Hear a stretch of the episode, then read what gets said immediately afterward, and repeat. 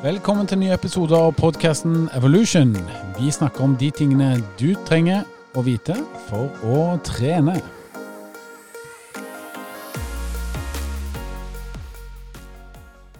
Ja, velkommen til ny episode. Vi sitter her eh, fortsatt i kjelleren min, eh, klar for å snakke med dere om trening. Og eh, gutta er på plass. Både Andreas og Halvor er her. God dag, god dag. Hei, hei. Hallais. Der var de, vet du. Og eh, jeg lurer på åssen går det med dere siden sist? Noe spesielt som har skjedd? Ja, livet mitt eh, er jo generelt eh, trist, men det er ikke noe verre enn vanlig, så jeg, jeg er fornøyd. Jeg dunker inn en terningkast to siste døgn.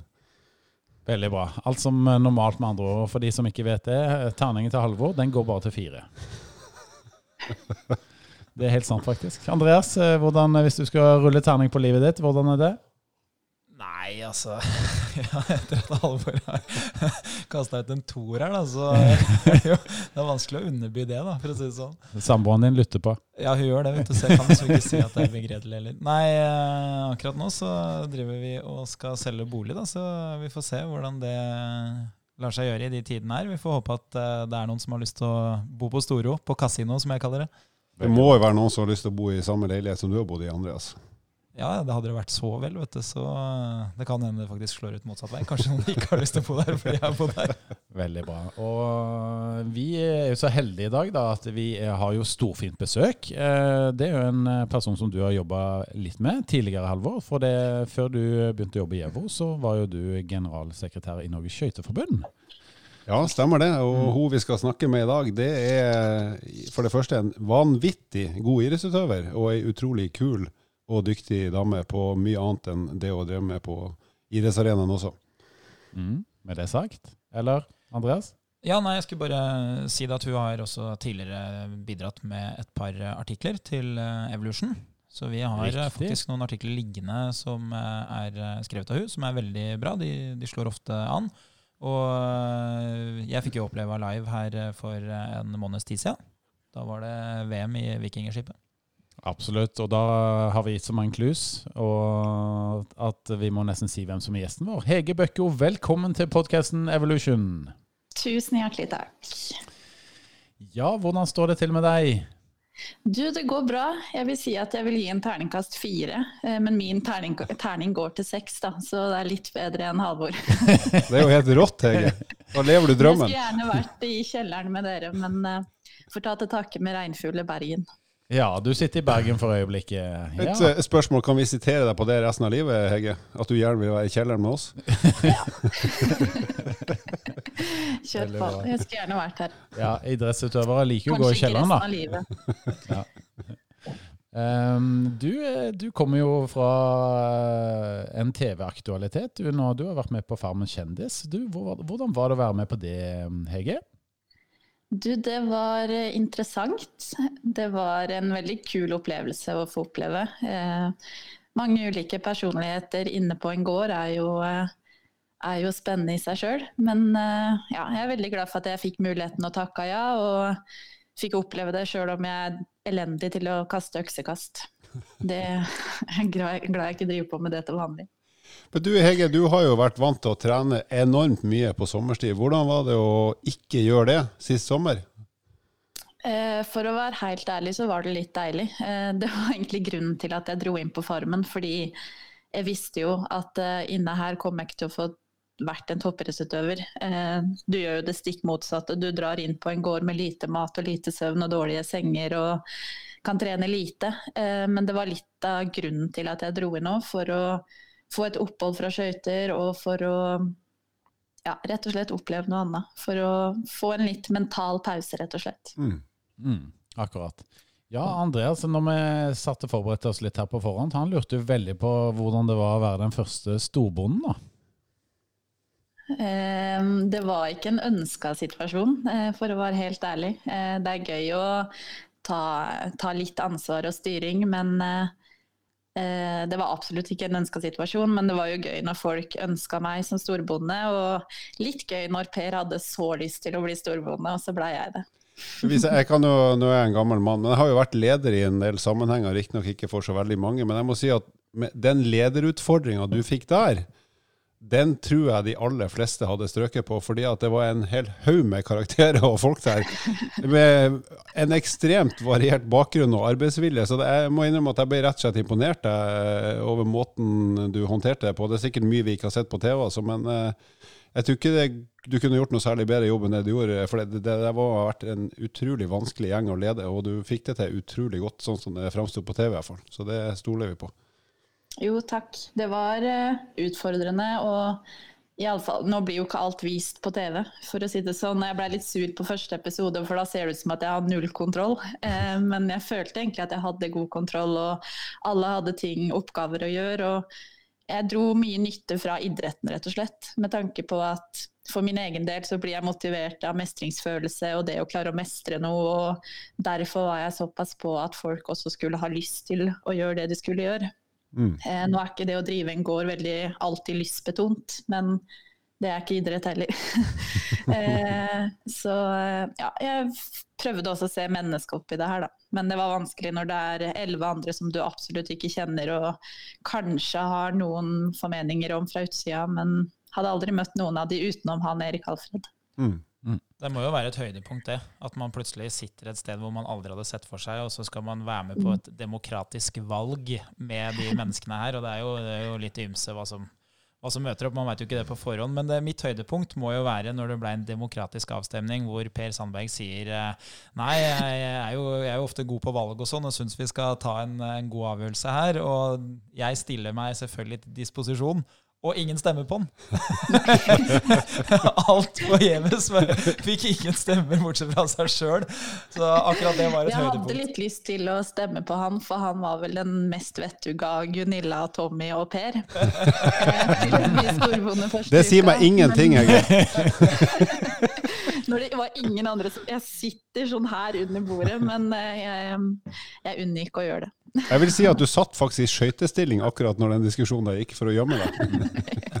Bra. Før, eh, før, vi går inn på dagens eh, tema, som er egentlig sånn hva kan vanlige folk lære av toppidrett, så har jeg lyst til å si det at um, vi lagde jo artikler, som du var inne på, Andreas. og på et av de bildene som vi lagde artikkel på til bloggen vår Evolution, så gjorde du et hopp på en sånn steppkasse. Og Der ser man hvor ekstremt høyt du svever over den boksen. Og det bildet har vi fått så ekstremt mye feedback på, og den artikkelen har blitt så mye lest, at uh, ja, det, det, var veldig gøy, altså. Så um, Du husker når vi var på Evo Nydalen og, og gjorde den shooten, ikke sant? Ja, ja, ja, ja. Det var en gøy shoot, det. og nå var vel det bildet tatt unnafra og opp, så det ljuger vel ganske greit? Nei da. Nei, nei, nei. Det, vi prøvde oss jo på noen spede hopp etterpå. Har, de, de var ikke like høye. Mine at uh, jeg har, uh, har, ganske god spenst og må vel takke mye av genene for det. Men uh, mm. ja, jeg er vel en spenstig sjel. Du er nok det. I motsetning til Halvor. Spensten hans er på høyde med en tepose. Så. Ja, den er varm. Stille høyde 14 cm. Uten problem. Ja. Du, Mange av lytterne våre de er jo veldig glad i Halvor pga. hans tørre humor eh, og generelt lave livsglede, eh, vil jeg si. Hvordan var det å, å, være på samme team, da? Selv om han, han var jo ikke han var jo en del av, han var leder vel administrasjonen deres, så du så han ikke hver dag. Men hvordan var det å, å jobbe på samme team allikevel med, med Halvor? Nå må du si det vi snakka om på forhånd. ja. Nei, det var mye dårlig humor. Eh, det er første, førsteplassen. Ja. men eh, ja, vi jobba jo ikke så tett. Men eh, det var mye humor, men også litt seriøsitet når det måtte til. Så det var bra. Akkurat som på podkasten. Men du ja. um, i... jeg, må ba, Unnskyld, jeg må bare få si mitt Jeg skal bare ta ikke noe nostalgi. Jeg skal bare si et veldig sterkt Hege-minne her fra tida Skøyteforbundet. Det var World i Stavanger i januar 2016. Og da hadde Hege hatt et par sesonger, sesonger som ikke var sånn helt kanonbra. Og så satt vi og håpa at fader, nå, må, nå, nå, løsner det snart. Eh, håper vi og tror vi. Og så gikk du en 1000-meter der eh, på ett hvis ikke husker feil, så var det 1.16,98. Og det der gispe og brølet som gikk i stadion der, det var fullt altså i Stavanger, Sørmark Arena. Når du gikk inn og du kom deg under 1,17, det, det, det, husker jeg det var så utrolig kult og godt å se at du var på skikkelig eh, frammarsj eh, under det løpet der. Det fortsatte jo eh, resten av sesongen og, og, i flere år etter også. Det må jeg bare si, det var stort og sterkt. Ja, det var en gøy helg, det. Helga før så hadde vi jo NM på Hamar, og jeg blei jo slått av Ellen Bjertnæs. Eh, og blei ikke norgesmester. så eh, var jeg veldig spent helga etter på eh, World Cup på hjemmebane og så veldig fram til det. Og da, hvis ikke jeg husker feil, kom jeg vel på sjetteplass og gikk i parløp med Naoko Daira og slo henne. Ja. Og hun er jo, det er jo historie etter det, hvordan hun har, hvordan hun har Pila hennes har gått opp, mens mine har gått ned. Men nei, det var en veldig kul helg, og gøy at du husker det. Kjempebra. Jeg må jo si at jeg fikk jo frysninger bare av å høre den historien. Så, men, men, det med å liksom oppleve en sånn eh, prestasjon, det, det må være stort, altså. Eh, jeg tror at det er masse overføringsverdi her eh, i forhold til helt vanlige folk som bare trener et par ganger i uka, i forhold til å oppleve en god dag på trening. Og Derfor har jeg lyst til at vi skal snakke litt om treningstips som du kan gi til til folk som bare er medlem av et treningssenter, eh, som enten er ganske dedikerte, eller som trener bitte lite grann. Du, eh, vi er jo en spesiell tid med koronaviruset, og hjemmetrening har vi litt lyst til å høre, høre om. Hvordan, hvordan, trener du eh, hjemme nå, eventuelt? Akkurat nå så har jeg vært veldig lat. lat og giddalaus. Eh, vi har jo offseason, og den perioden her er det mer lystbetont trening, eh, for å si det sånn. Eh, skulle gjerne vært ute og gått på ski og brukt naturen og snøen, men her i Bergen så er det lite med snø.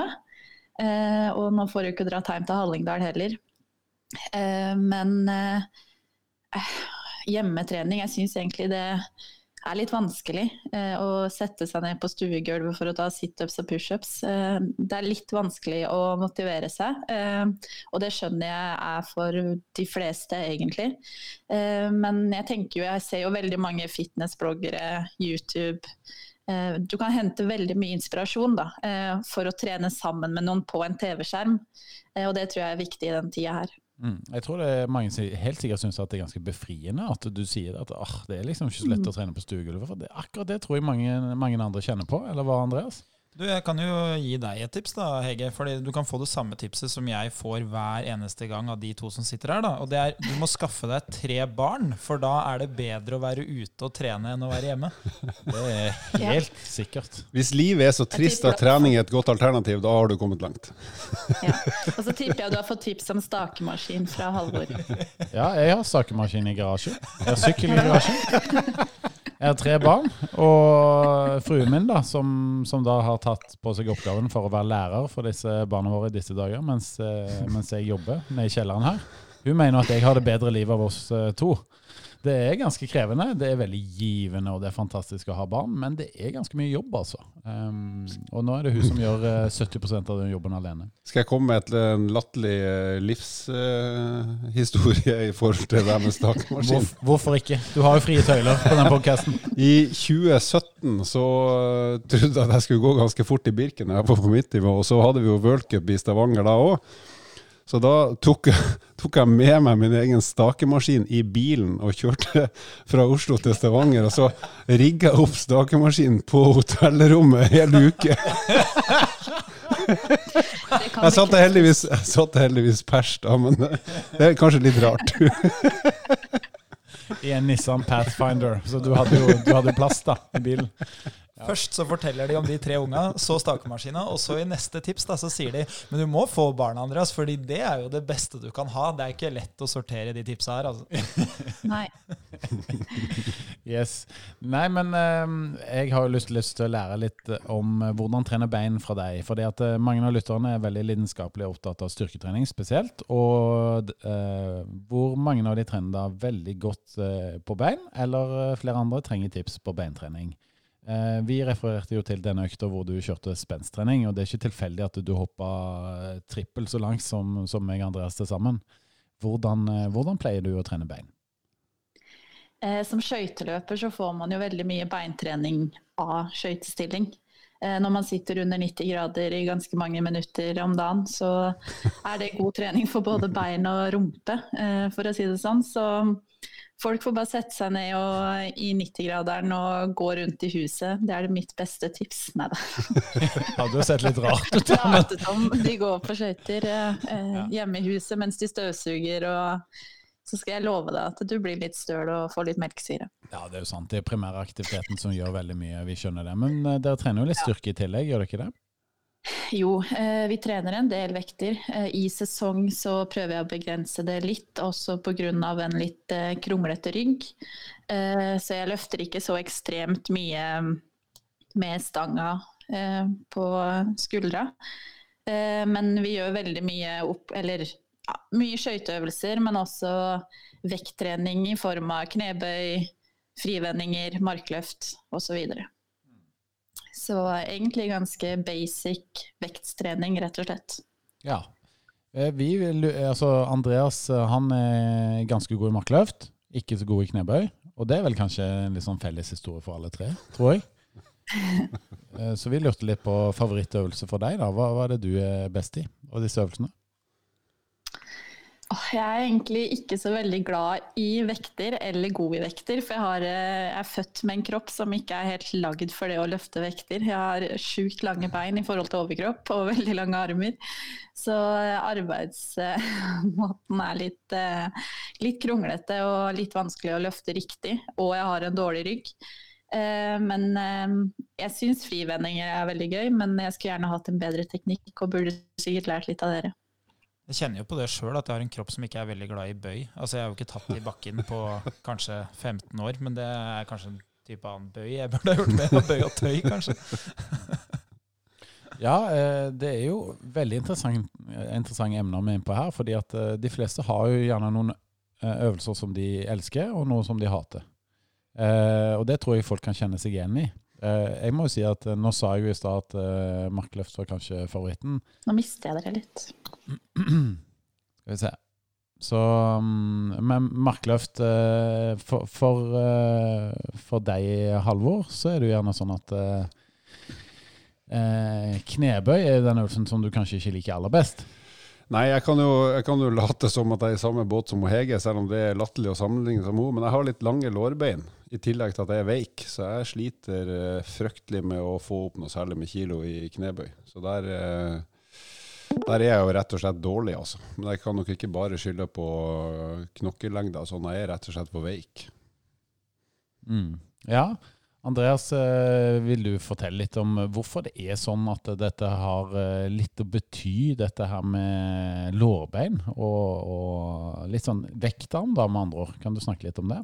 Ja, for når man trener eh, styrke, så er det jo, det er jo biomekanikk som på en måte er det grunnleggende for hvor tunge øvelsene er. Og da er det jo sånn at når du f.eks. kjører knebøy, da, så vil de vinklene som du Hallo? får i kroppen Hallo, da er du tilbake. Ja.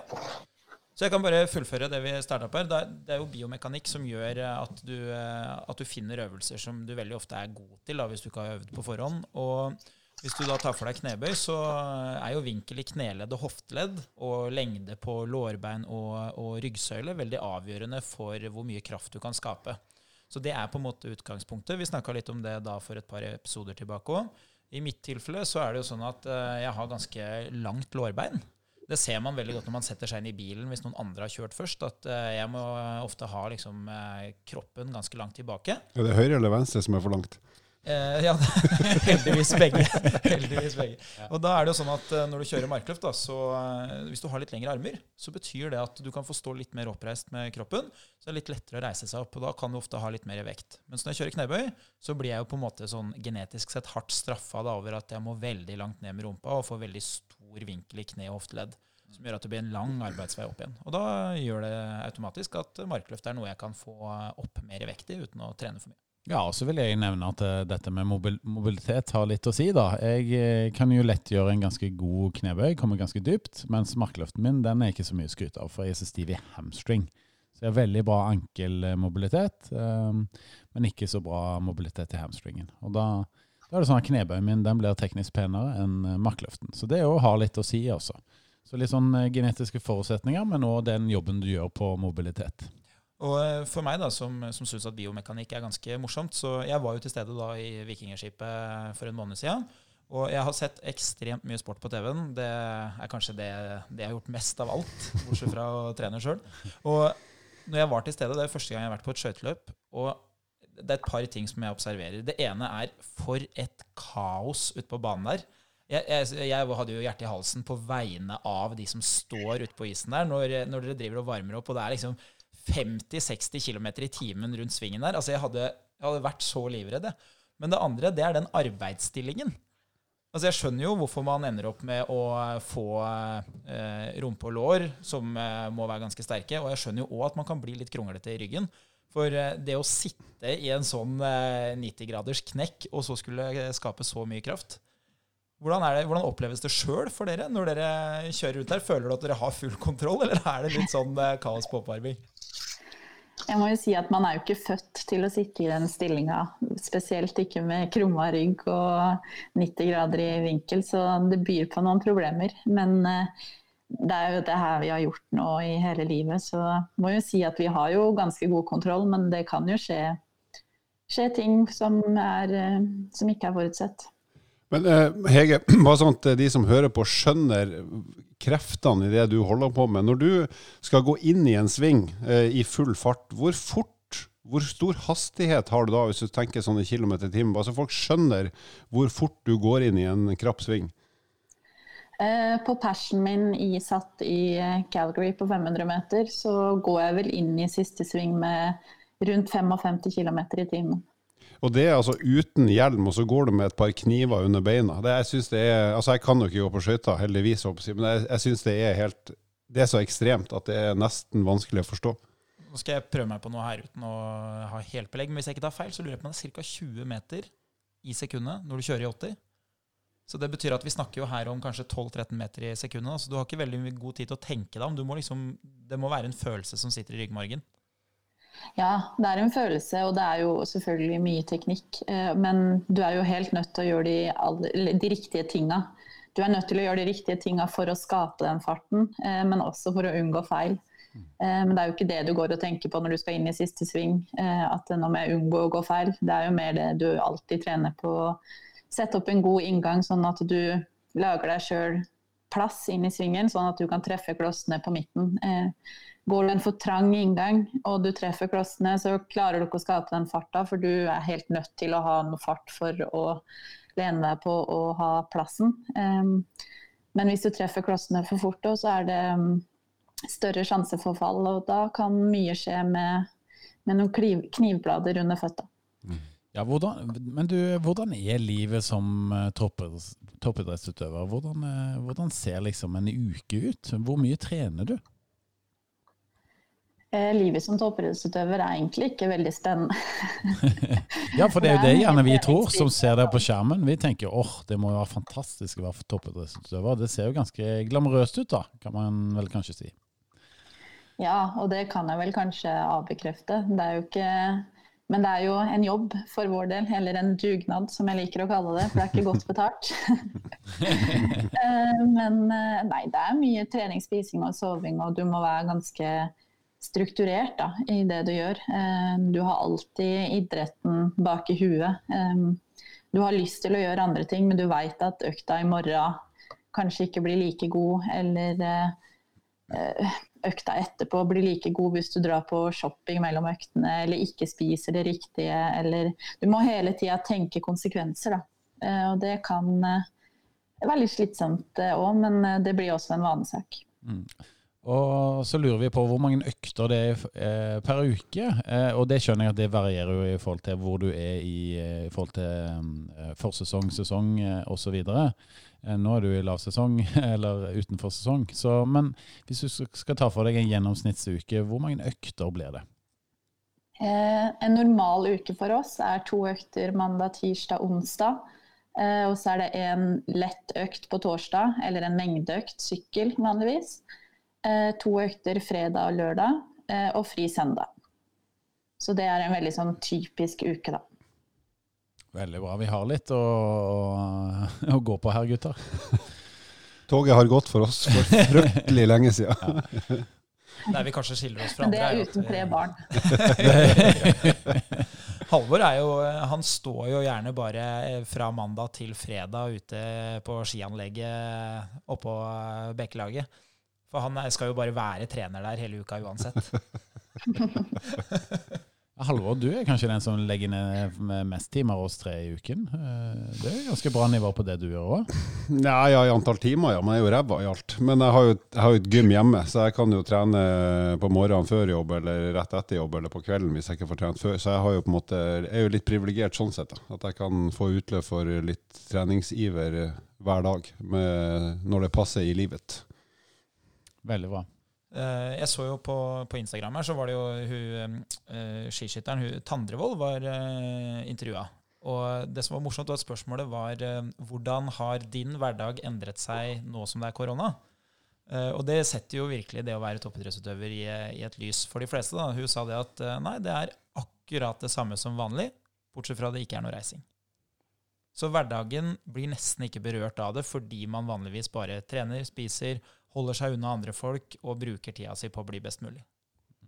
Hege, kan jeg, kan spørre et spørsmål som, som toppidrettsutøver, altså du, da. Eh, hva er det som driver deg videre fra år til år? Hva er, det, måte, hva er din motivasjon til å fortsette å prøve å bli enda bedre? Hva er det, som, måte, er, ja, hva er det inni deg som, som driver deg personlig?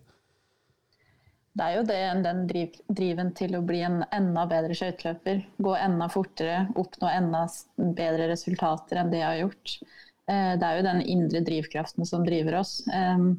Noen idrettsutøvere tjener masse penger og har kanskje det som en liten motivasjon, en ytre motivasjon, men det er jo det absolutt den indre som driver deg lengst. og for oss litt mindre idretter da, som ikke tjener så veldig mye på det her, så er det jo også ekstra viktig da, at den indre motivasjonen er høy, og det er noe jeg har, eh, har begynt å kjenne litt på eh, i det siste, som begynner å svekke litt. Da. Mm. Hvis vi skal snakke litt om, om, Jeg tror at alle har noen dager som de er veldig glad i å trene, og andre dager hvor man uh, ikke er så glad i å trene. Har du noen økter, uh, spesielle favorittøkter? Uh, enten å trene hardt eller rolig teknikk osv. Og, og har du noen økter som du bare hater å gjennomføre? Jeg er egentlig glad i de harde øktene, hvor du virkelig må ned i kjelleren og utvikle deg sjøl, både mentalt og fysisk. Eh, enten om det er på is eller på barmark, hvor du virkelig må pushe. Eh, eller så er jeg veldig glad i sånn typisk terskeløkter, eh, hvor, for jeg føler at det er veldig god effekt av det. Og det kjører jeg også inn mot løp. Jeg kjørte det ganske mye mer før, når jeg trente litt mer mot allround, men det er noe jeg har sagt til treneren min at jeg ønsker å gjøre mer, for at jeg føler at det er en veldig god effekt av det. da. Å trene opp mot terskel og å kunne jobbe over en lengre tid. Hva, hva, gjør du da? Er det primært skøytegåing, eller er det sykkel og skøyter? Eller hva slags bevegelsesformer bruker du da på sånne terskeløkter? Eh, det er stort sett sykkel. Eh, jeg føler ikke at jeg klarer å gå så veldig under terskel på skøyter. Eh, fordi arbeidsstillinga er ganske krevende, og i hvert fall som sprinter. Når man er trent for å gå mye kortere distanser og fortere, så er det veldig vanskelig å gå over lengre tid under terskel på skøyter. En langdistanseløper klarer det og kan gå også i sone 1 og 2. Eh, det klarte jeg før, men det klarer jeg ikke lenger nå. I hvert fall ikke over en lengre tid. Eh, og når det gjelder terskel, så ja, du går ofte over fire i laktat, for å si det sånn. Det er ikke det som er terskel på skøyter. Da ser vi opp mot seks. Mm. Eh, men stort sett på sykkel så liker jeg å sykle, sykle terskel. Mm. Du, du snakka litt om motivasjon i stad, og det er jo alltid litt sånn eh, spennende. Man har jo litt sånn forskjellig type eh, motivasjon. Og det som jeg lurer på, da, liksom, hva er det som har drevet deg mest? Har det vært eh, f.eks. som Halvor beskriver, da, at du klarer å krype under en, en, grense tidsmessig som du alltid kan konkurrere med uansett, så lenge du går på samme bane da, eller under samme forhold? Eller er det resultatlista etterpå? Skøyter er jo en veldig målbar idrett, både på godt og vondt. Eh, du har én distanse og du får en tid. Klokka lyger aldri. Du kan liksom ikke skylde på eh, han som slipte skøytene dine, for det er meg sjøl. og det er ikke som i ski at du kan skylde på dårlig glid. Eh, så det er jo en veldig målbar idrett, og det gjør det jo også veldig kult, for du har alltid noe å strekke deg til. Selvfølgelig er det forskjell på baner, hvor rask banen er, hvor høyt de ligger over havet osv. Men det er jo de tidsbarrierene som når Halvor sa at jeg gikk under et 17 i Stavanger, eh, også fikk en god plassering. Um, um, ja. gå, ta norgesrekorder. Eh, gå på sånne Skøyter er jo litt kult med at du går først under 40, og så går du under 39, og så 38, og så har jeg ikke kommet meg under 37. Men eh, det er veldig veldig målbart fordi det er en klokke som eh, stopper på nøyaktig tid. Eh, og så er det jo selvfølgelig plasseringer og at du vil bli best i verden. Men uh, der har ikke jeg vært ennå, så da har jeg sett på andre mål. Du har jo vært fryktelig nærme da, Hege. Det er jo noe høres ut som du er en dårlig skøyteløper. Du har jo vært i verdenstoppen i en åtte-ti år. De fleste av oss er ikke i nærheten av norgestoppen engang, bare for å ha sagt det. Nei, for Det er jo sånn som de fleste kanskje ikke tenker så mye på, da, men uh, av de idrettsutøverne som, som, veldig mange kjenner, da, så har man jo forskjellige sånne type motivasjonsfaktorer. Da. Hvis du Eh, sånne eksempel som mange har sett. altså Ole Einar Bjørndalen kan jo stå etter å ha missa eh, gullmedalje i VM i skiskyting med tre sekunder og si at eh, jeg er strålende fornøyd. Det var helt optimalt, fordi han baserer det kun på prestasjon og ikke plassering. Mens eh, Northug f.eks. kan jo kanskje ha gått den raskeste femmila si i, eh, i Finland, i Lahti, eh, der de går ned på 1,50 på femmil og bryr seg ingenting. Det har ingenting å si, fordi han kunne vunnet femmila på fire timer, han som hadde vært det dårligste noensinne, og vært strålende fornøyd. Så jeg, jeg tror mm. kanskje at hvis man klarer å veksle litt mellom de to faktorene, da, sånn som du sier, så, så, vil man jo kanskje kunne finne motivasjon oftere og når man virkelig trenger det, enn om man bare hadde vært opptatt av én ting. Jeg tenker egentlig at man først og fremst eh, må slå seg sjøl. Det er greit nok at du vil bli best, men det er bare én som er best i verden til enhver tid. Så du må hele tida slå deg sjøl, og da kanskje til slutt stå på pallen og øverst. Men nei, du må liksom ta bit for bit av elefanten, for å si det sånn. Du kan ikke spise hele elefanten på en gang. Og må slå deg sjøl, og så må du jobbe ut ifra det, rett og slett. Også for å skape mestringsfølelse. Du Hege, du, du slo gjennom et brak i OL i 2010, så da, og da var du jo ung. Men sånn hvis du ser tilbake, eh, hva har liksom vært de artigste opplevelsene dine sånn idrettslig, uavhengig av plassering? Eller hva, hva, liksom, hva er det som stikker seg ut eh, i hodet ditt av, av, det du har prestert?